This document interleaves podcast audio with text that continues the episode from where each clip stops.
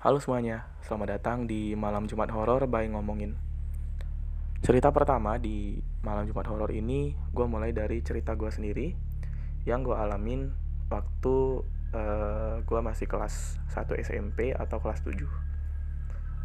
Jadi uh, gue itu tinggal uh, di perumahan di salah satu kota dan itu bukan ibu kota provinsi ya.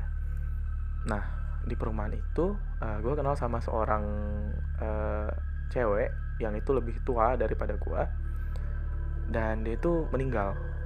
Meninggalnya karena gantung diri. Dan dia itu meninggal karena uh, gantung diri yang itu disebabkan oleh diputusin oleh cowoknya yang udah pacaran selama tiga tahun.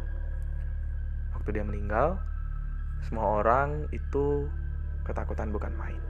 Karena cukup banyak yang diganggu katanya sih ceritanya sih diganggu oleh uh, arwah mbak yang meninggal ini. Sampai akhirnya uh, jadi ceritanya gue itu waktu uh, kelas 1 SMP udah les di salah satu bimbel terbesar ya. Dan itu selalu pulangnya uh, jam 6 sore habis maghrib. Dan gue kalau les itu selalu pulang dengan uh, naik angkot. Selalu bareng teman juga yang satu arah. Sampai akhirnya les terus gue pulang itu kejadiannya habis maghrib uh, angkotnya itu masuk ke dalam perumahan. Kebetulan rumah gue itu agak dalam masuknya di dalam perumahan.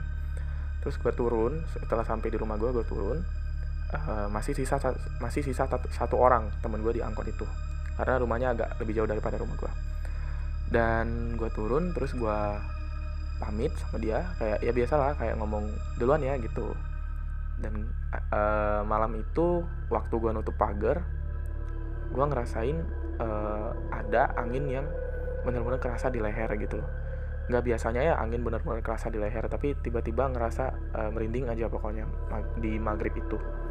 Oke lanjut cerita uh, singkat cerita keesokan harinya gue ketemu tuh dengan temen gue yang satu angkot kemarin uh, di sekolah.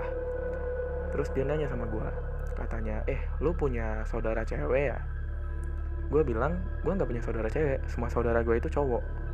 Dan dia bilang kalau dia itu waktu gue turun dan gue nutup pagar waktu uh, pamit itu dia bilang dia ngeliat cewek lagi di belakang gue dan dia itu uh, ngadep ke belakang atau membelakangi gue jadi mukanya tuh nggak kelihatan.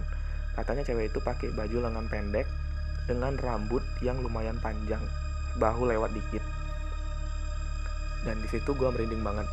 Awalnya sih gue nggak percaya tapi dia berani sampai sumpah-sumpah gitu loh. Jadi gue percaya dengan itu. Karena memang juga gue juga ngerasa ngerasa merinding banget waktu itu. Dan uh, sejak saat itu setiap apa namanya setiap pulang dari les dan naik angkot yang pasti sama orang yang sama lagi gue selalu lebih waspada Sekian itu aja cerita dari gue.